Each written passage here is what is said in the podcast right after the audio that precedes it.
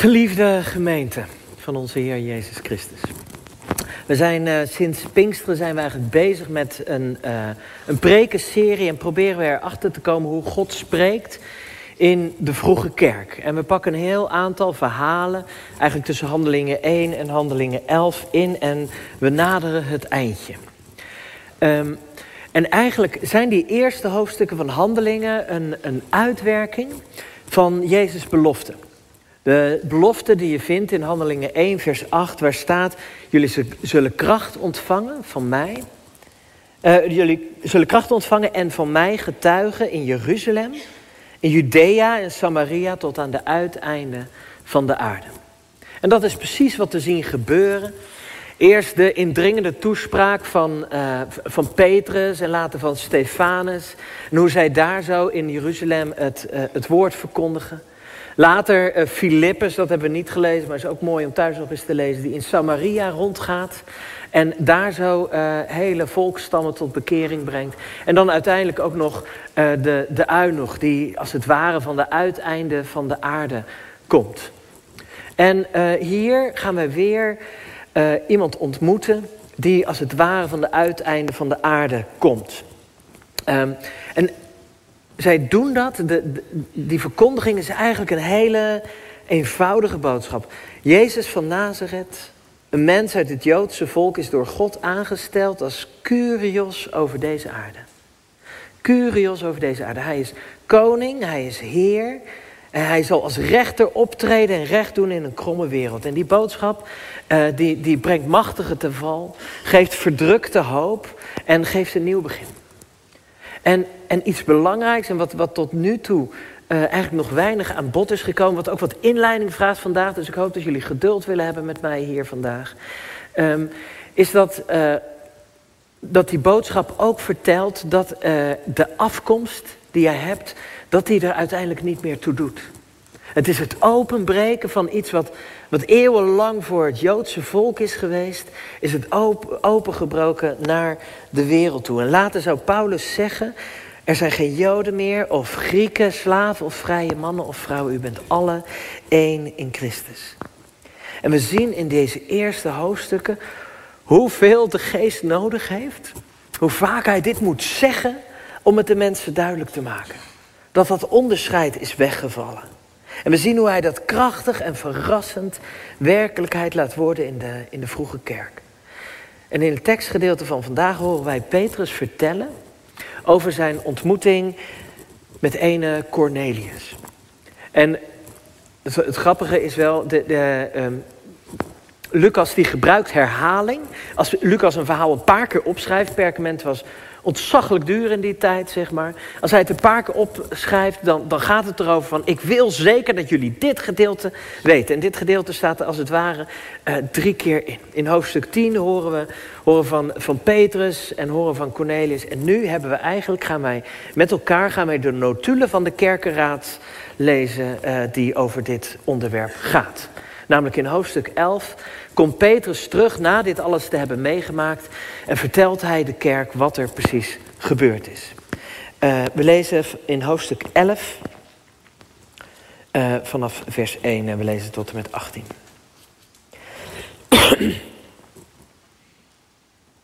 De apostelen en de gemeenteleden in Judea hoorden dat ook niet-Joden Gods woord hadden aanvaard. En toen Petrus terugkwam in Jeruzalem, spraken de Joodse gelovigen hem hierover aan. En verweten ze hem dat hij, met onbesneden, dat hij onbesneden had bezocht en samen met hen had gegeten.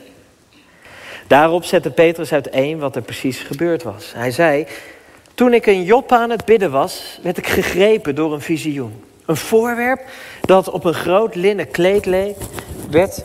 Gaat hier niet helemaal allemaal goed met de microfoon? Uh, een voorwerp dat op een groot linnen kleed leek, werd aan vier punten uit de hemel neergelaten, tot vlak bij mij.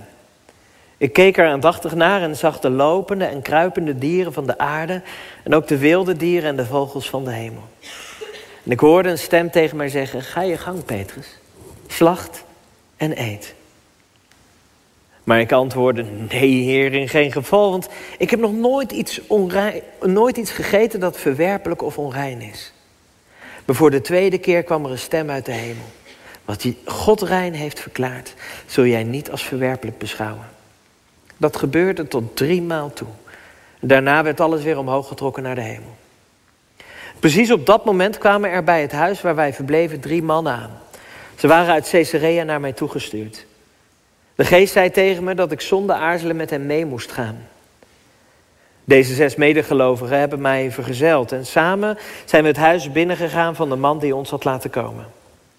Hij vertelde ons dat hij in zijn huis een engel had zien staan die tegen hem zei: Stuur iemand naar Joppa om Simon, die ook wel Petrus genoemd wordt, te halen. Hij zal je vertellen hoe jij en al je huisgenoten kunnen worden gered. Ik was nog maar nauwelijks begonnen te spreken of de Heilige Geest daalde op hen neer, zoals destijds ook op ons. Ik herinnerde me wat de Heer tegen ons zei. Johannes doopte met water, maar jullie zullen gedoopt worden met de Heilige Geest. Als God hun wegens geloof in de Heer Jezus Christus hetzelfde geschenk wilde geven als ons, hoe had ik hem daarvan kunnen weerhouden? Toen ze dat gehoord hadden, werden ze gerustgesteld en loofden ze God met de woorden. Dan geeft God het dus ook aan mensen uit andere volken om tot inkeer te komen en het nieuwe leven te ontvangen. Woorden van God.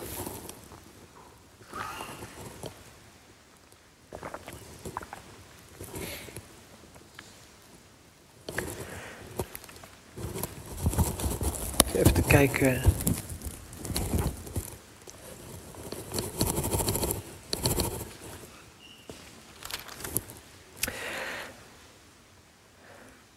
Nou, we hebben nu de, de kerkraadsnotulen gelezen van wat er gebeurd is. Uh, Petrus wordt uitgedaagd om te vertellen uh, wat hij heeft meegemaakt. Hij wordt op het matje geroepen. Um, want er was een gebeurtenis geweest die voor onrust zorgde. Men had gehoord dat Petrus tijd doorbracht met de heidenen. En de echte gebeurtenis lezen we dan in het hoofdstuk hiervoor. En uh, het zou dus kunnen zijn dat je mij dingen hoort zeggen. Ik, um, over, over bij wie Petrus verbleef of over wat, wat Petrus gezegd heeft en zo. Dat, als je wil weten hoe ik daarbij kom, moet je dus even het hoofdstuk hier voorlezen. Maar dat was te lang om helemaal te lezen.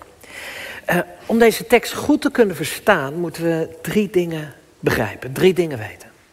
We moeten weten wie, wie Cornelius is en wie mensen als Cornelius waren. We moeten weten wat, wat het betekent om onderdeel te zijn van het volk van God, wat, wat heiligheid betekent. En we moeten weten wat de komst van de Heilige Geest betekende. Dus wie Cornelis was, wat heiligheid betekende voor het Joodse volk en wat de komst van de Heilige Geest betekende.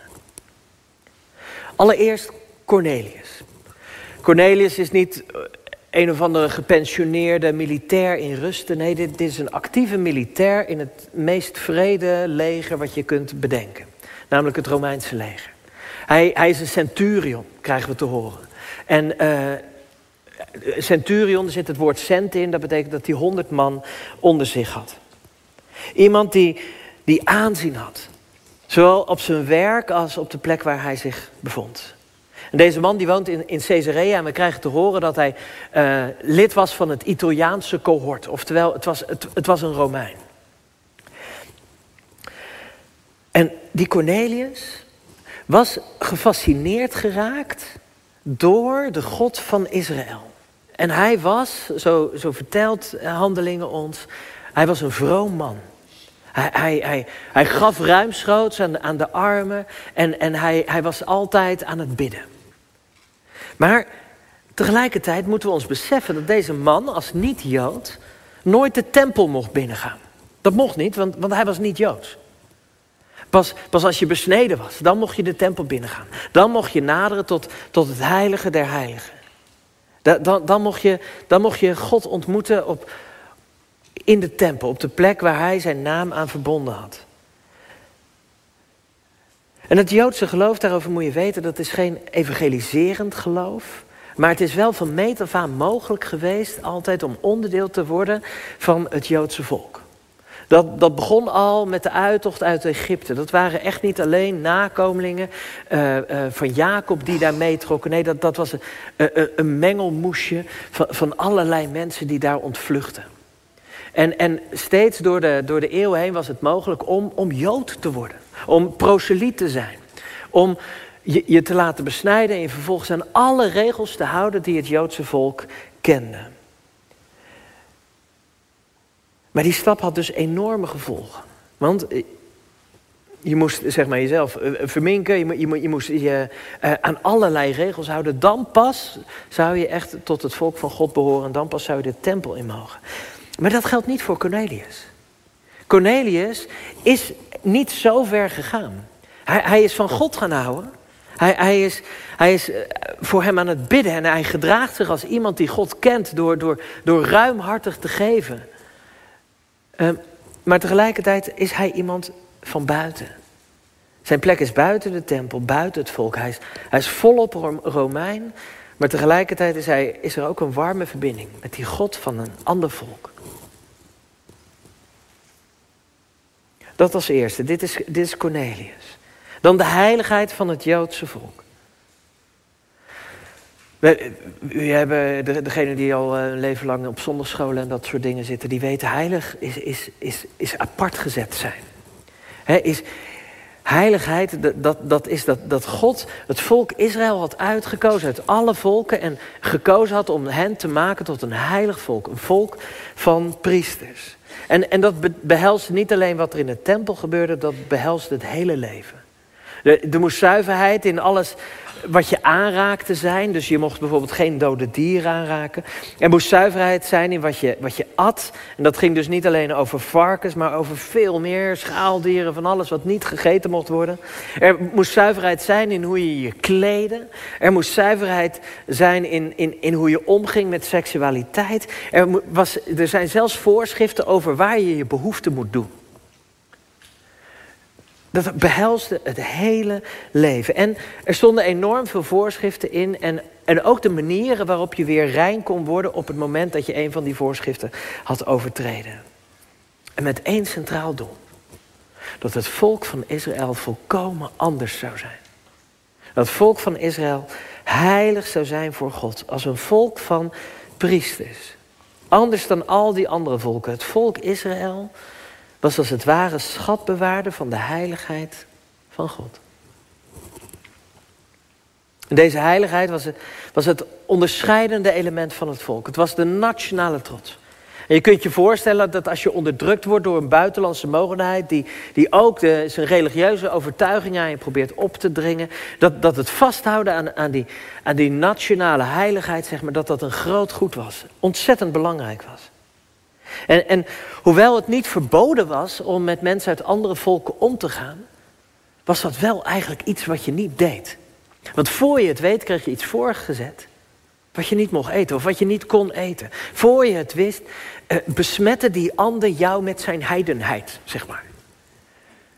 Dus het was niet verboden, maar eigenlijk deed je dat niet. Je ging niet om met mensen van, van andere volken, want zo was de gedachte, voor je het weet, verontreinig je jezelf. En wat was nou het ultieme heilige voor Israël? Het ultieme heilige bevond zich in de tempel. In het heilige der heiligen.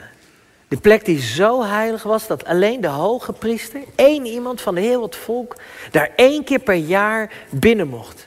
Dan kreeg hij zelfs nog een touw aan zijn enkel gebonden. Voor, voor, mocht hij flauw vallen daar in het heilige der heiligen, dat hij eruit getrokken kon worden. Want niemand anders mocht het heilige der heiligen binnen. Zo heilig was de God van Israël. Daar was Gods aanwezigheid. Daar kon alleen het zuiverste van het zuiverste binnengaan. Dat is de heiligheid van het Joodse volk. En wat betekent nou die komst van de Heilige Geest? Als we teruggaan naar, naar, Pasen, naar, naar de kruisiging. Als we teruggaan naar Goede Vrijdag, dan lezen we daar in Lucas dat het, het voorhangsel van de tempel, het voorhangsel dus van het heilige der heiligen, de heiligheid van God, dat die door midden scheurt. En niet zomaar, Matthäus vertelt ons dat die scheurde van, van boven naar beneden. Eh, op goddelijk initiatief scheurt het heilige der heiligen door midden. Gods heiligheid is, is gebroken. Gods heilige, het, het heiligste wat ooit deze aarde bewandeld heeft, Gods zoon zelf, is gebroken. Degene in wie God volkomen aanwezig was, is kapotgeslagen. En, en, dan, dan komt de opstanding waar er een doorbraak plaatsvindt van Gods nieuwe schepping. De herstelde manier waarop God aanwezig is in deze wereld. En, en de opgestane Jezus belooft aan de mensen: Ik zal jullie met kracht bekleden. Gods heiligheid zal in jullie komen wonen. Ik schenk jullie de Heilige Geest. Dit, is zo, en ik hoop dat je, dat je dit beseft, dit is zo onbeschrijfelijk mooi. Datgene wat, wat, wat, wat bewaard moest worden. Datgene wat, wat voortdurend onder, onder druk stond om verontreinigd te worden als het ware. Datgene waar, waar, waar een heel tempelcomplex omheen gebouwd was. En de, dat heilige der heiligen van, met een zwaar gordijn afgescheiden van de rest van de wereld. Dat heilige der heiligen. Jezus zegt, dat mag in jou komen wonen. Dat komt in jou wonen. Gods aanwezigheid is niet langer bepaald door, door, door een gebouw in Jeruzalem. Nee, Gods aanwezigheid is, is, is, is de kracht van Jezus, de kracht van God die in jou komt wonen. Dat, dat is de Heilige Geest. Gods aanwezigheid komt wonen in kwetsbare, feilbare wezens die voortdurend tekort doen aan die heiligheid. Aan de heiligheid die God in ons gelegd heeft. Maar dit is hoe het van nu af aan zal gaan. Dit is hoe het zal zijn. Gods aanwezigheid, de plek waar hemel en aarde elkaar raken, is in jou. Is in mij. Is in zijn gemeente, in, in, in, in zijn kerk, in, in de mensen die van hem houden. Daar is God aanwezig. Daar is heiligheid. Het is niet langer enkel de tempel in Jeruzalem. Het is zelfs niet langer enkel zichtbaar in die persoon van Jezus van Nazareth. Maar in jou, in mij. Die, die drie dingen. Dus, dus de heiligheid van Israël, wat de Heilige Geest is komen doen en wie, wie Cornelius was. En als je op deze manier naar dat verhaal gaat, dan, gaan er dingen doorheen schijnen. Namelijk Petrus. Waar bevindt Petrus zich in Joppe? Petrus bevindt zich, lees je in hoofdstuk 10, bij uh, een andere Simon. Uh, Simon de leerlooier. En een leerlooier werkt dus voortdurend met huiden van dode beesten. Oftewel, de, de, de, de Simon waarbij Simon Petrus verblijft, is eigenlijk uh, voortdurend onrein. Want hij mocht geen dode beesten aanraken, maar hij, deed dat, hij moest dat voor zijn vak toch doen. En, en op die plek, op die plek waar, waar de onheiligheid toch de doorslag moest krijgen in het huis van die man, daar zit Petrus te bidden en God komt tot hem, ondanks die plek.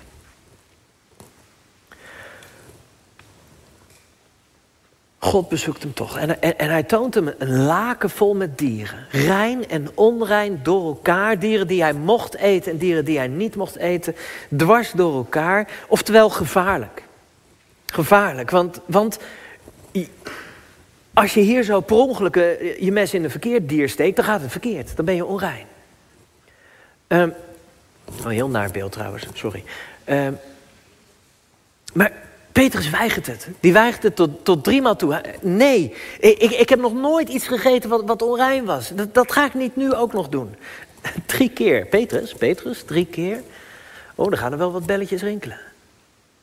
Allereerst de, de verzoeking in de woestijn, waar Jezus driemaal op de proef gesteld werd. Misschien dacht Petrus dat ook wel, ik word hier op de proef gesteld. Ik moet nee blijven zeggen.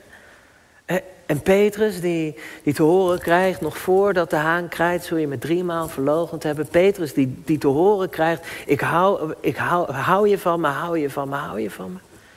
Die Petrus krijgt hier driemaal hetzelfde visioen. En driemaal zegt hij, nee, dat kan ik niet doen. En dan gaat het tafelkleed weer omhoog en staan er drie mannen bij hem voor de deur. Die zeggen, ga je mee? En hij krijgt van de Heilige Geest te horen dat hij, dat hij mee moet gaan. Petrus die moet, moet, moet wakker geschud worden door God. Hij moet gaan zien hoe de heiligheid van God veranderd is. Hoe de reinheid van God een andere invulling heeft gekregen. Hoe de reinheid en de heiligheid van God niet langer onder, onder spanning staan.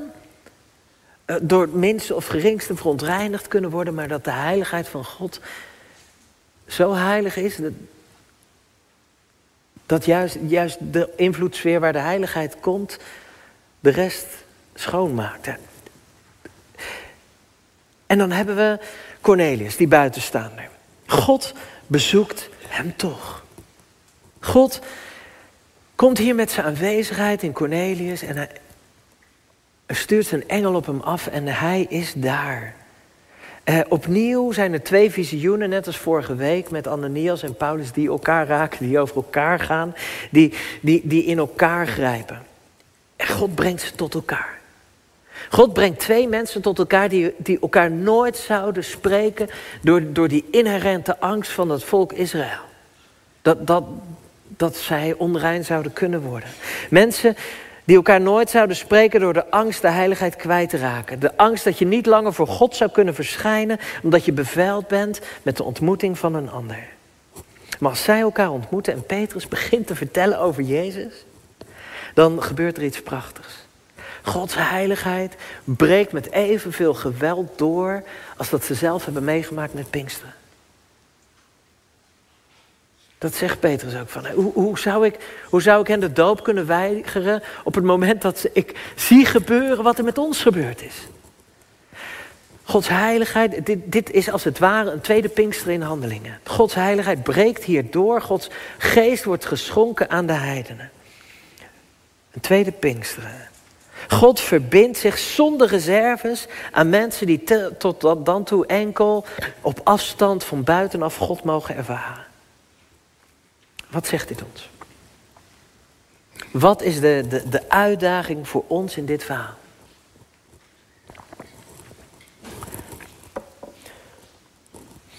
Ik, ik heb hiermee mee, mee geworsteld, omdat het zoveel inleiding vroeg. De heiligheid, de Cornelis die buiten staat, die twee mensen die elkaar ontmoeten. Maar misschien is het dit. Zie, zie dat God hier is. Als Petrus begint te vertellen aan de mensen die samengekomen zijn in het huis van Cornelius, geeft hij een prachtige samenvatting over het leven van Jezus. En, en een van de dingen die hij zegt is hetzelfde als wat, wat over Jozua en andere grote mannen en vrouwen van Jezus uit het Oude Testament uh, gezegd werd, namelijk God was met hem. God was met hem. Het zijn dezelfde woorden als die in het Oude Testament vaker klinken. En hier zegt Petrus dat over Jezus. Kijk, wij horen niet tot het volk Israël. Wij weten niet hoe het is om, om met zoveel voorschriften te lezen, leven, om op zoveel facetten anders te zijn dan de mensen om ons heen.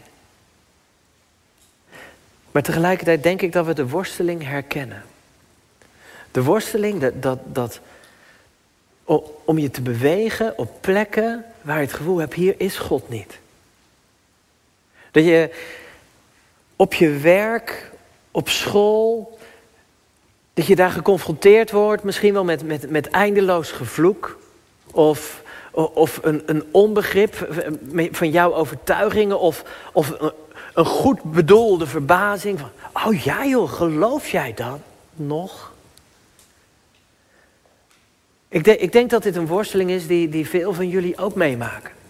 Dat, dat je je begeeft op plekken waar je denkt, hier is de heiligheid van God niet. Maar bedenk je dan, dan dit.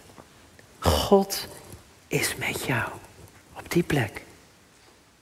God heeft het aangedurfd, onbegrijpelijk, denk ik soms, om zijn heiligheid te verbinden aan ons, aan, aan ons kwetsbare wezens, aan ons vuilbare wezens. Hij heeft het aangedurfd om zijn naam aan jou te verbinden. In jou beweegt Gods geest. Wees dus niet bang voor, voor invloeden van buitenaf. Want heiligheid is niet langer iets dat door jou beschermd moet worden. Het is eerder andersom. Heiligheid is als een beschermende mantel die jij omgeslagen hebt gekregen. Waarin jouw kwetsbaarheid, jouw falen beschermd worden. Het is andersom. Je mag je veilig voelen in de heiligheid die door God in jou gelegd is. En als je op die manier in een situatie gaat staan, zonder angst, dat, dat, dat, dat jij omver, dat, dat, om je geloof kwijt raken. Dat iemand anders iets zegt waardoor jij gaat twijfelen. Dat iemand anders iets zegt waardoor jij denkt van weet ik het nog wel zeker. God omgeeft jou met zijn heiligheid. En, en als je daarop gaat vertrouwen, dat, dat de plek waar je gesteld bent, dat dat een plek kan zijn waar ook Gods geest gaat bewegen, dan, dan kan er een stuk vrijheid ontstaan. Wees biddend aanwezig op de plek waar God je geroepen heeft. Zoals dat Petrus dat was, zoals Cornelis dat was. En sta open voor de verrassing dat Gods geest zelfs daar kan gaan waaien. Wat is de uitdaging? Wat zegt het ons? Ik denk dat het ons uitdaagt tot een kwetsbare, krachtige heiligheid. Zoals ik net al zei, God kiest ervoor zijn aanwezigheid in deze wereld te verbinden aan jou en aan mij, aan zijn kerk. Laten wij zonder angst aanwezig zijn op de plekken waar God ons geroepen heeft. Het is niet vaak dat, wij, dat, dat mensen een visioen krijgen zoals Petrus dat kreeg. Uh, maar, en een visioen wat maakt dat je zonder aarzelen meegaat.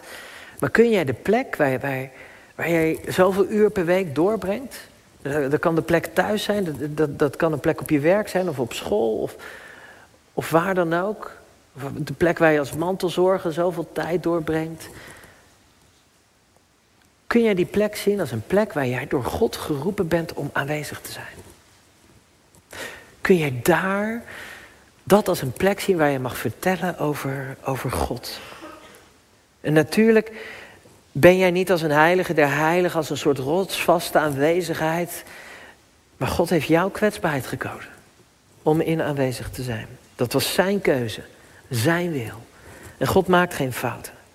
Onze kwetsbaarheid, onze fouten en tekortkomingen worden bekleed met zijn aanwezigheid. En tot slot is er ook een, een uitdaging voor ons als kerk. Het is niet voor niets dat wij met elkaar de notulen van de kerkenraadsvergadering lazen. Want dit, dit uh, dit is zo complex, deze materie is zo complex gebleken...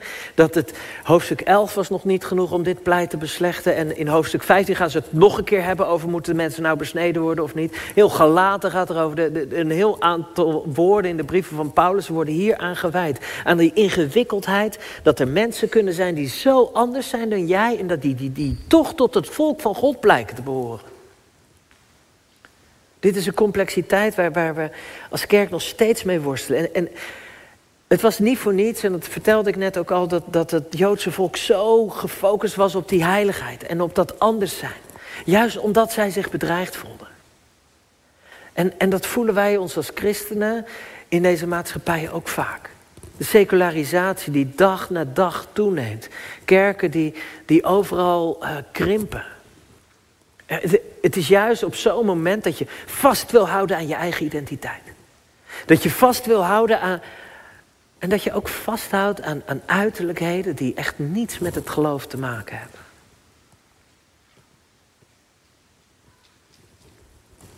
Het is niet. Wij zijn niet degene die Gods heiligheid hoeven te beschermen. Die heiligheid van God omkleedt ons als kerk. Wij zijn geroepen om, om het te hebben over Jezus. Om het te hebben over hoe, hoe God een mens riep.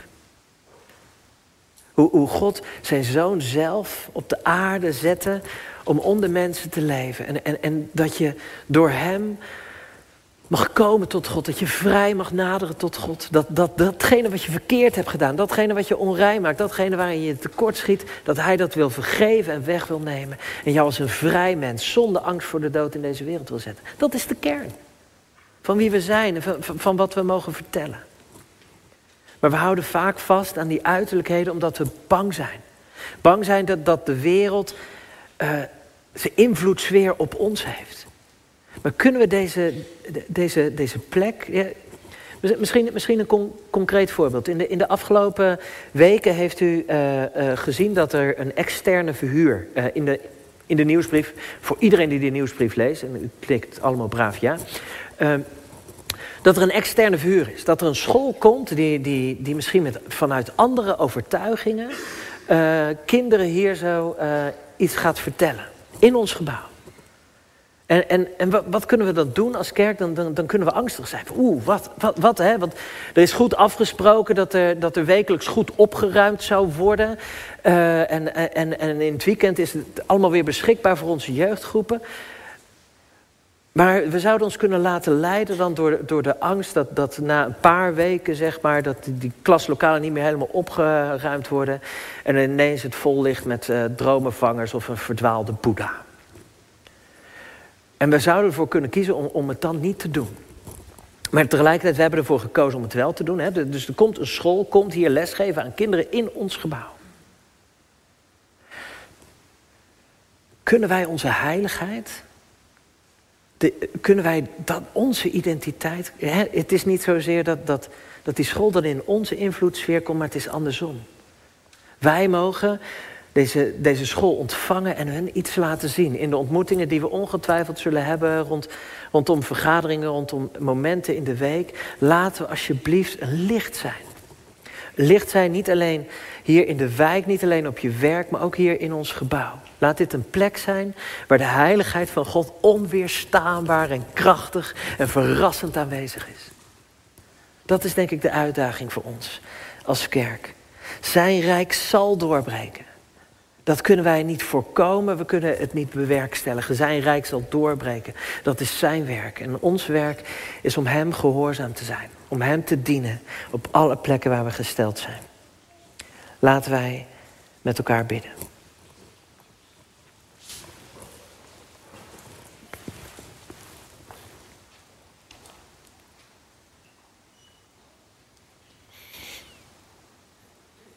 Vader, maak ons rein voor U. Niet door wat we zelf bewerkstelligen, door onze, onze offers of, of wat dan ook, maar, maar doordat U in ons komt wonen. Geef ons iets van de heiligheid van Uw Zoon.